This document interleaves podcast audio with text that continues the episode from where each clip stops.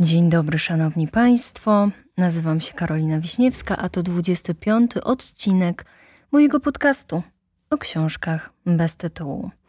Spotykamy się tutaj jak w każdy drugi piątek miesiąca, abym czysto egoistycznie mogła zaspokoić swoją potrzebę opowiadania Wam o literaturze. Przyszedł marzec, e, kiedy nagrywam ten materiał Pachnie Dniem Kobiet. W ostatnim odcinku mówiłam o feminiście Tadeuszu Boju Żeleńskim i o tym, że na pewno będę chciała jeden odcinek poświęcić wyznaniom gorszycielki, czyli biografii Ireny Krzywickiej. Więc być może mm, spodziewacie się dziś tej właśnie lektury. Jakby to powiedzieć? Ja się spodziewałam wiosny, a za oknem mamy śnieg. Nie będzie dzisiaj kobieco, nie będzie dzisiaj feministycznie. Zaprowadzę Was tak naprawdę na przeciwny biegun do świata uwielbianego przez mężczyzn. Chociaż nie, nie, nie wszystkich, ale przez bardzo dużą część. A od jakiegoś czasu obserwuję, że i kobiety, może nie w takim stopniu jak mężczyźni, ale też mają swoją silną reprezentację w świecie, który mam na myśli. Zresztą sama tam częściej lub e, rzadziej się zapuszczam. Oczywiście teraz próbuję być taka tajemnicza i wy siedzicie i zastanawiacie się, o co chodzi, a to dużo prostsze niż się wydaje. I chociaż znam ten świat z autopsji, to obiecuję, że naprawdę będzie to odcinek o książce, a nie o grach komputerowych, bo ten właśnie świat mam na myśli. Pomysł na dzisiejszy temat pojawił się, kiedy po premierze podcastu Oboju, w którym to podcaście za punkt wyjścia obrałam sobie film, e, na Twitterze Kasia, którą serdecznie pozdrawiam, napisała, że powinnam pomyśleć o opowiadaniu o filmach, że ona chętnie by tego posłuchała. Na kinematografii to ja się nie znam, więc się nie podejmuję takiej brawury. Gust filmowy mam koszmarny. Nie oglądałam połowy filmów, które um, uznawane są za klasyki. Avatar to dla mnie Ang z serialu anonimowanego, um, a płakałam na Batmanie. Tak więc, no nie, książki muszą Wam wystarczyć. Niemniej jednak Kasia przypomniała mi o tym, że mamy ogrom filmów, e, które inspiracje zaczerpnęły właśnie z książek. Nie będę rozprawiać o tym, e, jaki odsetek adaptacji filmowych jest moim skromnym zdaniem udany, a jaki nie. Chociaż mam teraz przed oczami taki rysunek krążący w internecie, jak zapłakany chłopiec siedzi w kinie i płacze żywnymi łzami, a pod spodem jest podpis kiedy zrobią film na podstawie Twojej ulubionej książki. To mówi bardzo dużo. Postanowiłam w tym miesiącu też zaczepić się w temacie filmowym, bo podejrzewam, że jeśli kojarzycie historię, o której dziś będę opowiadać, to pewnie z kina właśnie, a nie z książki. I chciałam, żebyście mieli świadomość, że dużo tracicie, bo film przy książce to był pryszcz. A nie był to zły film, na Filmwebie ma ocenę 7 i został wyreżyserowany przez Stevena Spielberga, a to chyba znaczące nazwisko, prawda? Prawie dokładnie 5 lat temu, bo 11 marca 2018 roku, miała miejsce premiera filmu Player One. Naprawdę bardzo chciałabym wierzyć, że widzowie, czy to przed seansem, czy po, sięgnęli po powieść o takim samym tytule, na kanwie której ten film powstał. Autorem tej lektury jest Ernest Klein jest to książka wyjątkowa pod wieloma względami.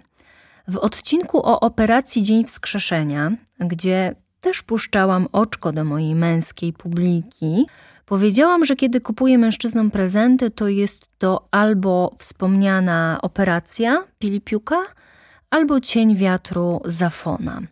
Tymczasem, kiedy przemyślałam sobie ten temat, to na liście takich książek, które bez mrugnięcia okiem poleciłabym mężczyznom, jest właśnie również Player One. Przenosimy się do świata nie całkiem odległego, bo do roku 2045.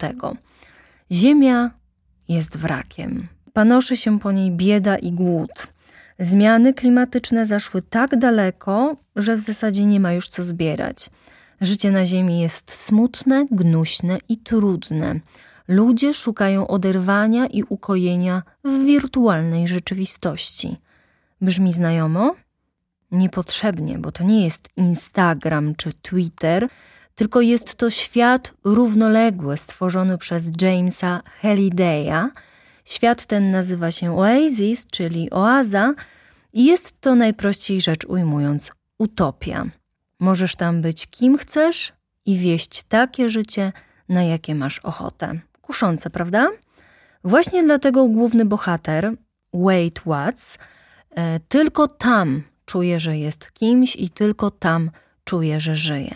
Cały numer polega na tym, że Halliday, twórca Oasis, który nie ukrywajmy był obrzydliwie bogaty, zmarł. E, zostawił swój majątek w spadku osobie, która dotrze do miedzianego klucza. W tej grze, w tej wirtualnej rzeczywistości. Ten miedziany klucz fachowo nazywa się Easter egg, czyli wielkanocne jajo. I żeby je odnaleźć, należy rozwiązać szereg zagadek. Przez wiele lat nie działo się w tej sprawie nic. Ludzie mm, powoli zaczęli mm, spisywać ją na straty, aż pewnego dnia nie kto inny jak nasz Wade Watts rozwiązuje pierwszą z zagadek i przełamuje impas. Wysuwa się tym samym na prowadzenie w drodze do fortuny. Jest to nieukrywany przełom, który początkuje prawdziwą gorączkę i wyścig, bo do Wattsa dołączają inni.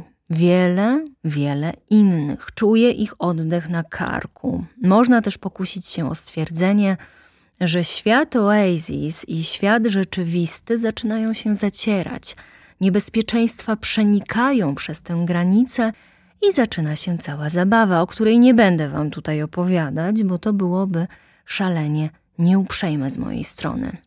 Abstrahując od tego, że historia zawarta w tej książce jest fascynująca, cała walka, wyścig, zadania, to wszystko bardzo wciąga, nie sposób jednak nie wspomnieć, że jest to po prostu dobrze napisana książka.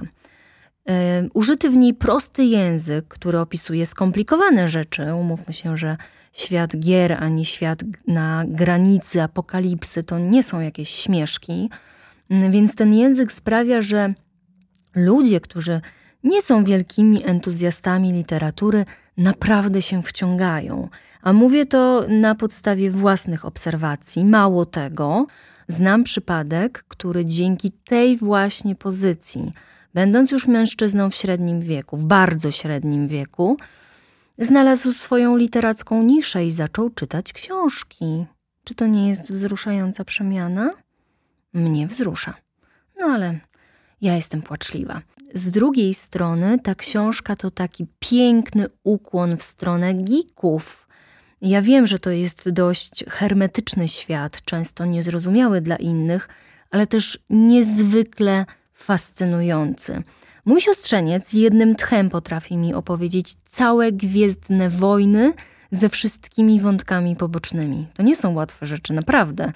Jeśli mowa o geekach, może nie filmowo, ale serialowo, zawsze myślę o teorii wielkiego podrywu i o tym, jak w nomen omen genialny sposób mm, pokazuje się tęgie umysły naukowców, którzy w zderzeniu, w cudzysłowie, ze sprawami geekowymi, uniwersum Marvela, DC, Star Trek, Star Wars, gry wideo, są tak uroczo prostolinijni. Dla mnie to taka ucieczka przed tymi wszystkimi przygnębiającymi dorosłymi tematami. Rozejrzyjmy się dookoła. Warto mieć gdzie uciec, ale warto uciekać z głową. Watts i społeczność e, z Player One uciekali do Oasis, czego nie powinniśmy traktować bezkrytycznie. Ale czy my nie uciekamy? Czy my nie kreujemy równoległego świata, siebie w nim w taki sposób, żeby uciec od codzienności, która nie spełnia naszych oczekiwań? Trochę tak jest. Tak, oczywiście chciałabym, żeby ludzie uciekali w jakieś fascynujące hobby, i wcale nie będę tutaj upierać się przy książkach, bo przecież można malować, układać puzzle, uprawiać sport czy ogródek, można uciec w muzykę. i kiedy powiedziałam, można uciec w muzykę, mm, od razu przyszło mi na myśl, że owszem, Player One to z jednej strony ukłon w stronę geeków, ale z drugiej strony cudowna, nostalgiczna, wzruszająca podróż do popkultury lat 80. A że ja wychowałam się na wsi i lata 80. do mnie przyszły w latach 90., e, to dla mnie też to było poruszające. Tak jak e, szukający miedzianego klucza musieli e, wyłapywać wszystkie wskazówki, tak czytelnik ma możliwość wyłapywać wszystkie niuanse i nawiązania kulturalne. Dla mnie bomba. Aczkolwiek oczywiście rozumiem, że nie każdy złapie ten klimat i to jest całkowicie zrozumiałe. Natomiast ja nawet teraz, y, po kilku latach od przeczytania tej książki, uśmiecham się na wspomnienie mojego Atari i każdej późniejszej konsoli. To wszystko pachnie. Pachnie dzieciństwem, pachnie swobodą, mm, pachnie dobrą zabawą i tęsknotą trochę też, prawda? Umówmy się. Player One to książka czysto rozrywkowa. Gwarantuje dobrą zabawę, gwarantuje dobre wspomnienia. Trochę za dobrze się ją czyta. Wiem, jak to brzmi, ale tak jest. Chodzi mi o to, że za szybko się ją czyta. Apetyt jest rozbuchany, a nie do końca zaspokojony, aż chciałoby się rozsmakować w jakimś deserze. No to na deser można obejrzeć film. Nie będziecie rozczarowani. Dziękuję serdecznie z całego serca Ani, dzięki której miałam przyjemność poznać tę książkę i nieść ją jak dobrą nowinę wszystkim pozostałym. W trakcie nagrywania tego odcinka uzmysłowiłam sobie, że na początku mówiłam o tym, że pachnie Dniem Kobiet i ten odcinek będzie taki na przekór trochę, ale przecież on wyjdzie w Dzień Mężczyzn, więc jakie na przekór, jakie pod prąd. Idealnie się wstrzeliłam z męskim repertuarem na męskie święto. Drogie panie, istnieje naprawdę duże prawdopodobieństwo, że dzisiejsza książka przypadnie do gustu jakiemuś ważnemu dla was mężczyźnie. Nieważne, czy lubi gry komputerowe, filmy, czy dobrą muzykę. Do dzieła. Książka to jest zawsze dobry prezent. Skoro już dotarło do mnie, że dziś jest takie ważne święto, to nie będę Wam zabierać czasu, który można przeznaczyć na miłe świętowanie. E, kończę moje bajdurzenie. Książkę polecam tak czy inaczej, bez względu na to, czy to jest Dzień Mężczyzny, czy każdy inny dzień w roku. To naprawdę wyszło zupełnie przypadkiem. Tradycyjnie na koniec zachęcam do kontaktu pod adresem mailowym kontaktmałpakarowiśniewska.pl być może w kimś obudziłam wspomnienia o Super Mario albo o innych grach, filmach, e, muzyce mm, i chciałby się tym podzielić. Zachęcam niezmiennie. Dziękuję moim patronom, dziękuję wspierającym mnie na Coffee, ściskam w pasie i wszystkiego najlepszego.